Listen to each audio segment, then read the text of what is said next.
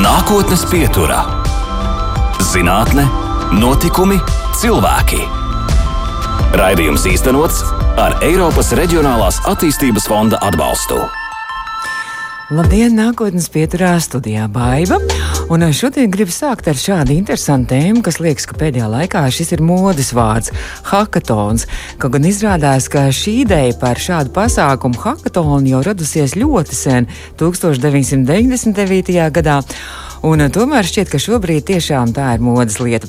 Un viens no mūsu viesiem nākotnes pieturā īstenībā vienīgais attālinātais viesis šovakar ir arī viens no hackathonu dalībniekiem, vairāku hackathonu dalībniekiem, bet tieši pēdējā laikā, aprīļa beigās, arī viens no Eiropā rīkotā hackathonu uzvarētājiem kopā ar savu komandu. Un tas ir Reizeknietis Pāvels Cecilkins mums šodien pie telefona. Sveiks, Pāvēl! Labdien! Pāvēl, nu tad tas Eiropas hackathons tik, tikko noslēdzās. Faktiski aprīļa beigās, un arī jūsu komanda bija uzvarētāja. Bet vispirms par to, kas vispār ir hackathons. Man arī kolēģi prasa, un daudz prasa, kas tas ir. Jā, es, es arī redzēju, internetā cilvēki komentāros bieži raksta, kas tas ir. Uh, vislabāk latviešu tulkojums kā tehnoloģiju maratons. 48 stundas parasti ir klasiski cilvēkiem 48 stundu laikā ir jārada prototyps, kuru var izmantot reālās vidas apstākļos. Nu, kā tad Pat, rāda ideju, viņu apstrādā arī jā, šī komanda? Jā. Ja? Uh, pirms pirms uh, Covid vīrusa, pirms Covid slimības bija tā, ka bija parastie hackathoni, viņi tika, tika rīkoti fiziski. Es biju piedalījies vienā Rezeknas tehnoloģija akadēmijā, tur bija atnāk komandu organizatori un atnāk cilvēki ar idejām. Cilvēki ar idejām ļoti ātri noprezentē savu ideju, Un tad sanāk tāda kā komandas veidošanās, kam patīk šī ideja, cilvēki nāk klāt pie idejas autora, apvieno savus spēkus. Daži ir programmētāji, daži ir mārketinga speciālisti. Un tad viņiem 48 stundu laikā ir ideja jāvalidē līdz prototipam. Tas nozīmē, ka bez ēšanas, bez dzeršanas, tā kā maratonā nonstopā vienkārši. Jā, tā būtu vissliktākā pieeja. Īsnībā ir jāguļ, ir jāatrod laiks, kad pagulēt, lai atjaunotu prātu, jo savādāk, ja cilvēks ir neizgulējies, tad cilvēkam būs ļoti slikta iespēja labi noprezentēt. Bet tagad tas viss notiek digitāli. Mm -hmm. nu, tad, uh, tas ir tāds, arī tas pats līdzīgi. Droši vien, ka satiekās varbūt pat nepazīstami cilvēki, Jā. prezentē savas idejas, un uh, kādam, kas tas interesē, ar vārdu sakot, satikšanās, tāda platforma, arī kontaktu nodibināšana, iepazīšanās. Jā, īstenībā līdz ar Covid-19 šī uh, hackathona ideja ir evolucionējusi ļoti stipri, jo tagad, kad tā tiek rīkota digitāli, uh, cilvēki var izmantot meklēšanas iespējas, lai atrastu pēc konkrētiem atslēgvārdiem idejas, kas viņiem patīk. Un, un cilvēki var no dažādām laika joslām piedalīties. Mēs jau esam piedalījušies vecos četros digitālajos hackathons, un mm. tāda atgriezeniskā saite ir vienkārši fenomenāla. Tagad tas pēdējos, jā, sakarā ar Covid tieši četros, jā, hackathons. Jā, jā, vi, tie, tie hackathoni kļuva ļoti populāri. Ja nemaldos, tieši Igaunijā tika izdevies, Igauni pirmie saprata, ka šis ir jāorganizē. Mm. Hackathons digitāli. Un tad visi pārējie pieķēra šo ideju un arī sāka organizēt. Pat tas aizgāja līdz Eiropas komisijai. Jā, nu tas šis pēdējais arī, kurā jūs kļuvāt par uzvarētājiem, jūsu komanda, Eiropas mēroga hackathons. Uh, nu, kas tur piedalījās un kam tas bija veltīts? Protams, ka droši vien Covid uh, cīņai ar Covid. Un tad mazliet Jā. par to arī pastāstiet, kā tur gāja. Tur bija vairākas grupas, ja nemaldos, septiņas grupas. Viena no tām bija veselības, veselības aprūpe, um, un tajās grupās bija apakšgrupas. Katrā grupā pa, pa vēl pa septiņām apakšgrupām aptuveni. Un mēs bijām veselības grupas pētniecības apakšgrupā, kur arī esam uzvarējuši. Īstenībā ļoti sarežģīta apakšgrupa, jo pētniecība ir tāda lieta, uh, tu, tu, tu, jā, kā lai pārliecinātu žūriju, ka tieši mūsu risinājums ir tieši tas labākais. Nebija viegls darbs, bet mums sanāca. Tad ir arī kāda žūrija un ir droši vien kāda vērtēšanas kritērija arī, vai ne? Jā, bija vērtēšanas kritērija. Ja nemaldos, viņi pat bija mums zināmi, bet, uh, bet tāpat tas ir cilvēka faktors. Jo, jo vi, visi risinājumi, kas ir tīpaši mūsu apakšgrupā, tiek ranžēti pēc, pēc tiem kritērijiem, kur mēs vairāk punktu, punktu ieguvām. Un tā sanāk, ka mēs ieguvām vairāk punktu, līdz ar to arī uzvarējām. Mēs arī lepojamies ar jums, jo e, es tā lasīju, ka pulcēja šis hackathons apmēram 21, nē, jā, 21 tūkstoši dalībnieku no 141 valsts. Starp citu, Latvija pārstāvēja 97 dalībnieki ar 36 idejām, un tad jūsu komanda arī uzvarēja šajā apakšgrupā. Izstāstiet, kas vēl tad jūsu komandā tur piedalījās? Vai tie bija visi latvieši vai vēl jā. arī kā? Mūsu, mūsu, mūsu komanda jā, tas tiešām nu, svarīga ir ne tikai ideja, bet īstenībā komanda un kā komanda var validēt un izpildīt šo ideju līdz risinājumam. Mūsu komanda ir ļoti spēcīga, ja mums ir, nu, es varētu tā sadalīt, mums ir biznesa un tehnoloģijas nozares uzņēmumā, biznesa operācijas un izstrādi veids uh, Matijas Kaiser un Girts Smelters un tehnoloģijas izstrādes pusi veicu es ar mm, programmētājiem Marīti Elksni un Arturu Solovjovu. Uh, bet vēl hackathona laikā mūsu ideja ir iepatikusies cilvēkiem no Nīderlandes un no Anglijas. Piemēram, no Nīderlandes esam, uh, uh, esam atraduši doktoru uh, bi bioķīmijā un uh, uh, zāļu izstrādē. Re, Rešmī Mukarjē, viņi ir no Nīderlandes, no Utrechtas universitātes un arī no Anglijas, tāpēc Rēgas Lamī ļoti, ļoti deva mums svarīgu atgriezenisko saiti un palīdzēs savu ideju labāk prezentēt.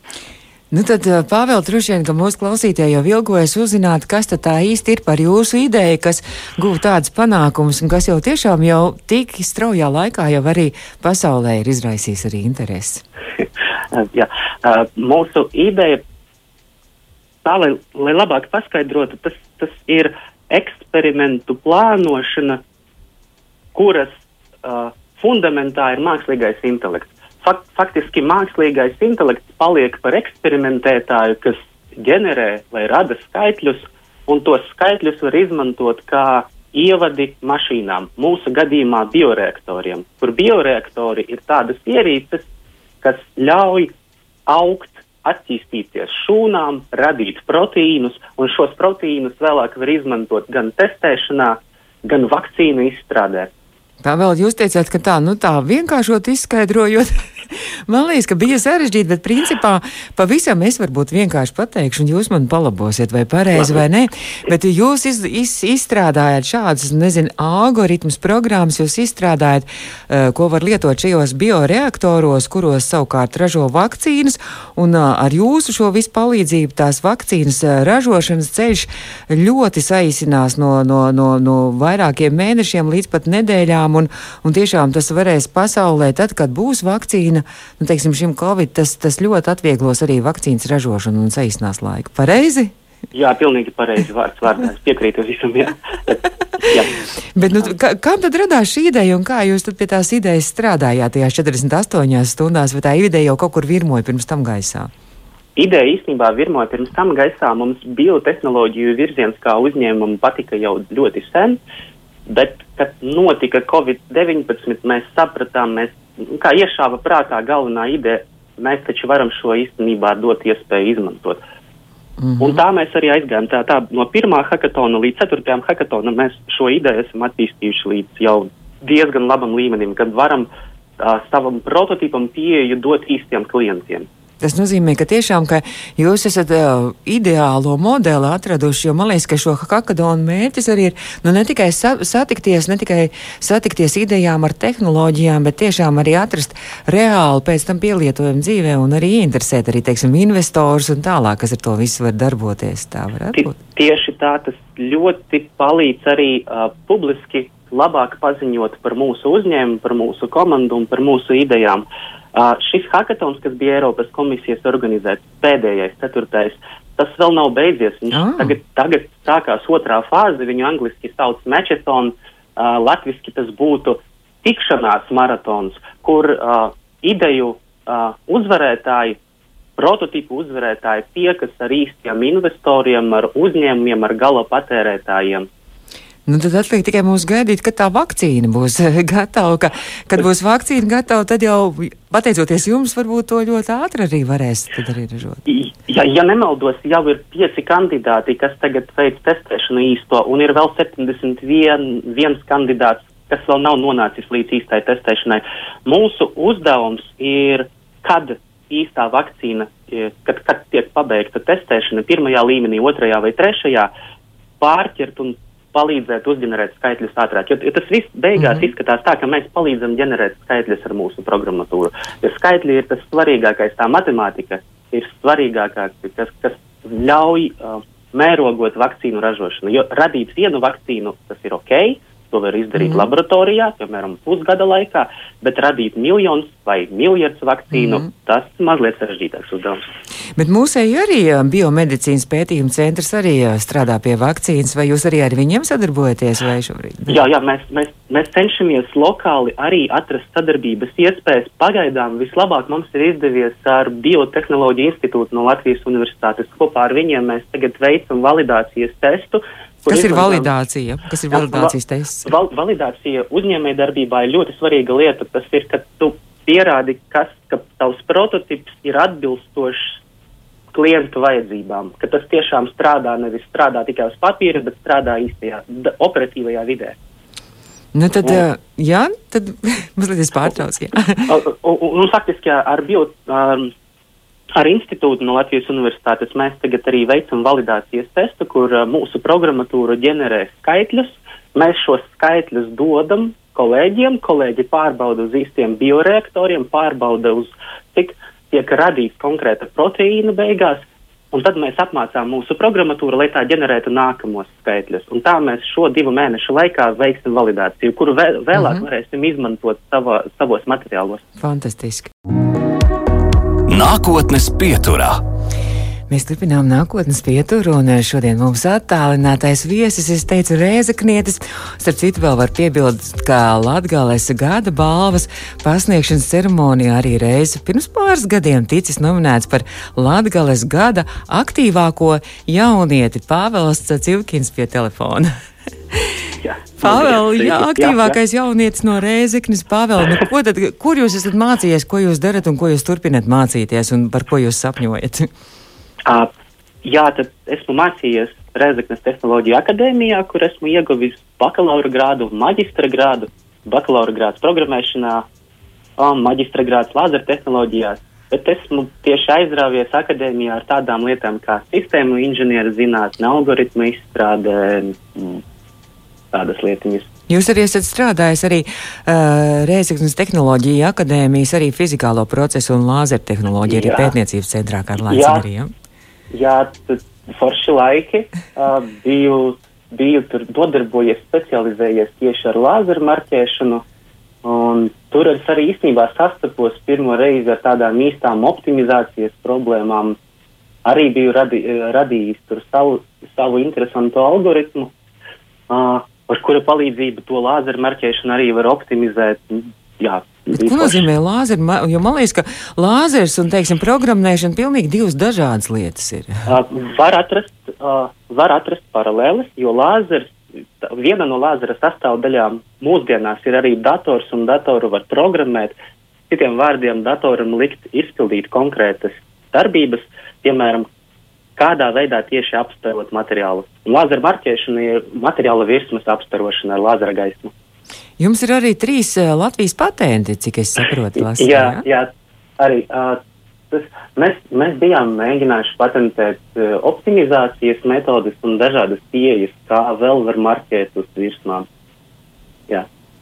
Nu, bet eh, tad šobrīd, eh, šobrīd eh, jums ir arī sava, savs uzņēmums un, un savs uzņēmums, kurš dibina arī pasaules un starptautiskos kontaktus, un arī jums ir daudz sadarbības partneri arī. Ja?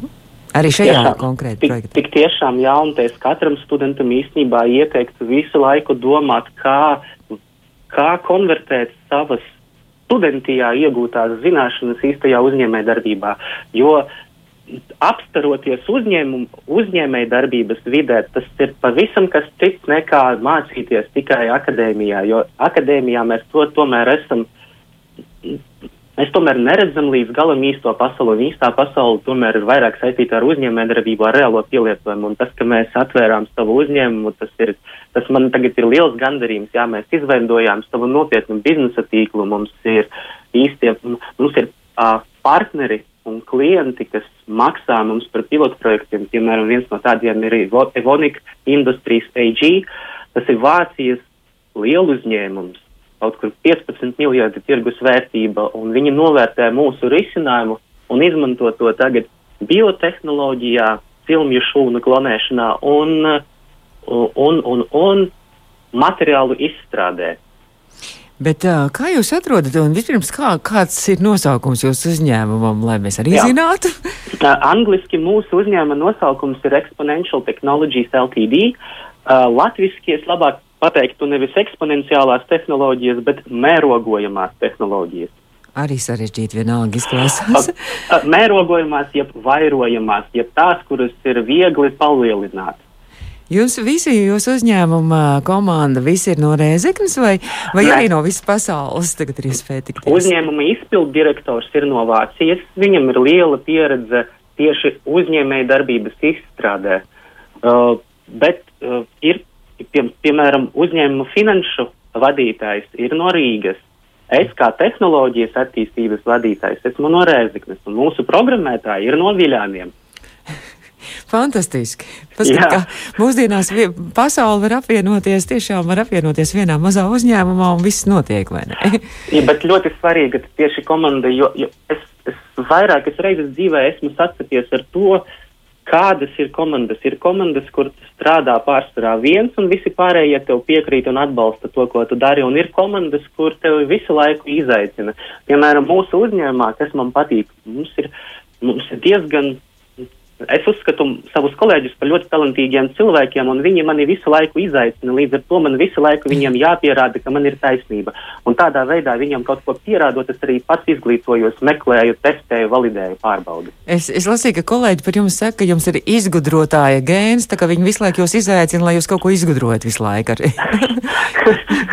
Paldies kolēģiem par tādiem vārdiem, bet nu, idejas parasti atnāk galvā tā, ka dari kaut ko, nezinu ko, un bam, tev galvā atnāca ideja, īstenībā pat ne ideja, vesels risinājums, un uzdevums to risinājumu pēc iespējas ātrāk novalidēt, pārbaudīt. Jo nu, uh, ideja, kura ir laba, bet kura nevienam nav vajadzīga, tomēr mums nav vajadzīgas. Mums ir vajadzīgas idejas, kuras var komercializēt, kuras var konvertēt naudā un vēlāk šo naudu izmantot, lai ģenerētu jaunas idejas.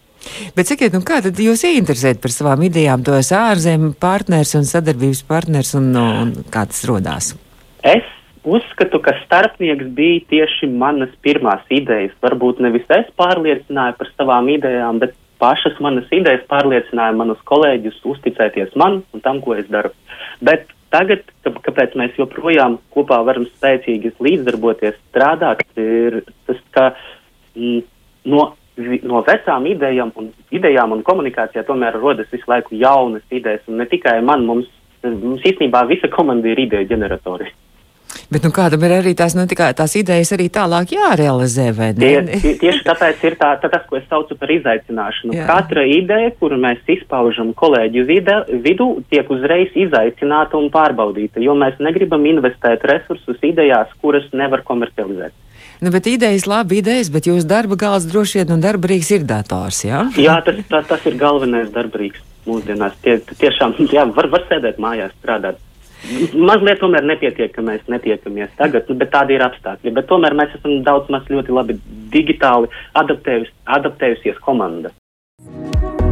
Nākotnes pieturā. Turpinām redzējumu nākotnes pieturu, kurā mēs runājam ar Latvijas zinātniekiem, pētniekiem, stāstām par viņu idejām, projektiem un arī, protams, lepojamies ar viņiem. Pāvils Cilkins pie mums studijā, gribu visu laiku teikt studijā, bet studijā neviesojas un attālināti. Mēs tiekamies ar Pāvelu. Ā, Pāvils Reizekne, es šeit Rīgā.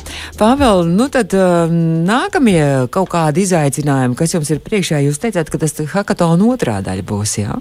Jā, pēc aptuveni astoņām, desmit dienām notiks hackathona otrā daļa, kur atkal organizē Eiropas komisija. Un tur jau uzsvars būs konkrēti uz tām uzvarējušām komandām, kuru kopskaits ir 117 no, nu, no visas pasaules, no Eiropas. Uh -huh. Un tad jūs tālāk turpināsiet atkal sacensties, vai, vai kā tur tad jau būs? Tad jau varbūt kaut kādā vienotā frontē viss Tur, darbosies. tur, tur arī būs sacensības, tur sacensības par uzmanību, kam vislabāk sanāks piesaistīt investoru uzmanību, vai partneru, vai klientu uzmanību. Arī ļoti grūts darbs, to sauc par biznesa izstrādi. Mm -hmm. Vai tur jums bija spēcīga konkurence, vai jūs arī painteresēties par konkurentu idejām un projektiem? Dažas konkurentu idejas es esmu sev piefiksējis, lai paskatītos. Piemēram, bija viena ideja, kas man ļoti patika, ir par datu dalīšanos, kad uh, cilvēki grib izveidot tādu kā laboratoriju visiem, kur visi var dalīties ar datiem, kas ir līdzīga formāta, piemēram, kas saistīti ar biotehnoloģijas, piemēram, vakcīnu izstrādi. Uzdevums ir nenormāli sarežģīts, jo dati visiem ir sarežģīti, katrs eksperimentē savā stilā. Mm. Bet ideja bija interesanta, mēs pieskatām tādus. Bet, nu, zināmā mērā tas tomēr arī tā ir arī konkurence, un tad tur kaut kāda arī ir biznesa noslēpuma droši vien arī. Jā. Jā, jā, Biznesā māksla ir ieraudzīt konkurentos arī sadarbības partnerus, tāpēc mēs viņus piefiksējam un pieskatām, lai vēlāk varētu, tā teikt, savienot divus produktus, lai izveidotu hiperproduktu. Tā arī savā ziņā ir tāda kā attīstība. Tā kā nevajag baidīties no konkurentiem. Spēcīgi konkurenti tikai virza arī attīstību. Tieši tā, konkurences ir jāuztver kā izaicinājumu. Bez izaicinājumiem uzņēmēja darbībā nav ko darīt. Pāvēl, kādi ir jūsu nākamie pašam izaicinājumi? Uh, mans lielākais dzīves izaicinājums ir izgudrot pēc iespējas labākus mākslīgā intelekta algoritmus. Tā ir mana galvenā aizraušanās. Tas ir tas, kam es veltu ļoti daudz laika, par ko es bieži lasu un skatos un daru. Un, jā. Tas ir arī brīvais laiks, jūs, ja jūs teicāt aizraušanās. Tā ir īstā aizraušanās. Es tiešām veltu pāris stundas katru dienu, lai papētītu jaun, ne tikai jaunāko, īstenībā labākie noslēpumi par mākslīgo intelektu ir vēsturiskajos dokumentos, pirms 60. un 70. gada publikācijās, kad cilvēki tikai sāka domāt par mākslīgo intelektu. Kad cilvēki, piemēram, cilvēkiem, kuri nodarbojas ar bioloģiju, pārlikt uz mākslīgā intelekta nozari būs daudz vieglāk, jo no bioloģijas ļoti daudz kas tika mm, izdalīts kā mākslīgais intelekts. Un arī psiholoģija ļoti interesanti. Mākslīgais intelekts faktiski ir radījies no tādām divām nozarēm, nu labi, trijām nozarēm - datorzinātne, zinātne, bioloģija un psiholoģija. Bet tas nozīmē, ka īstenībā arī šobrīd uh, mēs arī redzam, ka tas mākslīgais intelekts ļoti lielā mērā mums palīdz, kad arī notiek kaut kāda milzīga globāla pasaules mēroga krīze, tad mēs arī ceram, arī, ka mums šis mākslīgais intelekts arī palīdzēs. Daži cer, daži ir piesardzīgāki, mēs arī esam kaut kur pa vidu. Ja mākslīgajā intelektā nav viss tik vienkārši, mm. jā, tas tiek izmantots nepareizi, no nepareizi. No nepareiziem datiem var izdarīt nepareizus secinājumus, mm -hmm. bet no nepareiziem secinājumiem var izdarīt arī nepareizas lietas beigās, un visi var no tā gūt sliktu priekšstatu. Nu, Kāds jūs prognozes? Kāds jūs prognozes? No, ka... Prognoze ir tāda, ka um, mākslīgais intelekts kā viena no eksponenciālajām tehnoloģijām attīstīsies, gribam mēs to vai negribam, tāpēc labāk tam visam sekot. Nē, sekot ir viena lieta, īstenībā būt iekšā, piedalīties un veidot šo vidi. Un arī paļauties arī uz tiem gaišajiem prātiem, kas veido A. šo vidi, vai ne? Jā, šeit, šeit tiešām Un tādas, tādi pasākumi kā hackathoni arī īstenībā palīdz apvienot līdzīgi domājošos cilvēkus. Jā. Pāvēl, es saku paldies šodien par sarunu. Pāvēls Cacivkīns, es pat nezinu, kā jūs pieteikt, jo jums tik daudz dažādas tās um, sfēras, kurās jūs darbojaties, bet, nu, tātad gribu teikt, izgudrotāja gēns viņā mīt, un, un mēs varam teikt izgudrotājs, kas vai programmētājs, vai kas jūs esat? Jā, var pateikt, programmētāji. Man ļoti patīk Vien, programmēšana. Pavisam vienkārši, jā. jā, jā, diezgan vienkārši. jā. jā, jo, piemēram, pēc definīcijas, kā, kā zinātnieks, es vēl, es vēl neskaitos, jo, jo, jo, lai būtu par zinātnieku, ir jābūt tiem par doktoru. Bet, nu, lai būtu zinātnieks, droši vien arī ir visu mūžu arī jāauga. Kaut arī tu esi zinātnieks vienalga, tu audz, audz, audz, vai ne? Tā, jā, pareizi. Labi, Pāvēl, jums ir uz ko tiekties, es saprotu, un es saku paldies šodien par sārunu, lai veicas jau tajā hackathona otrajā daļā, maija paldies. noslēgumā. Jā. Labi, paldies. Un, paldies jums. Paldies. Visu labu. Izskan raidījums Nākotnes pietura. Raidījums īstenots ar Eiropas Reģionālās attīstības fonda atbalstu.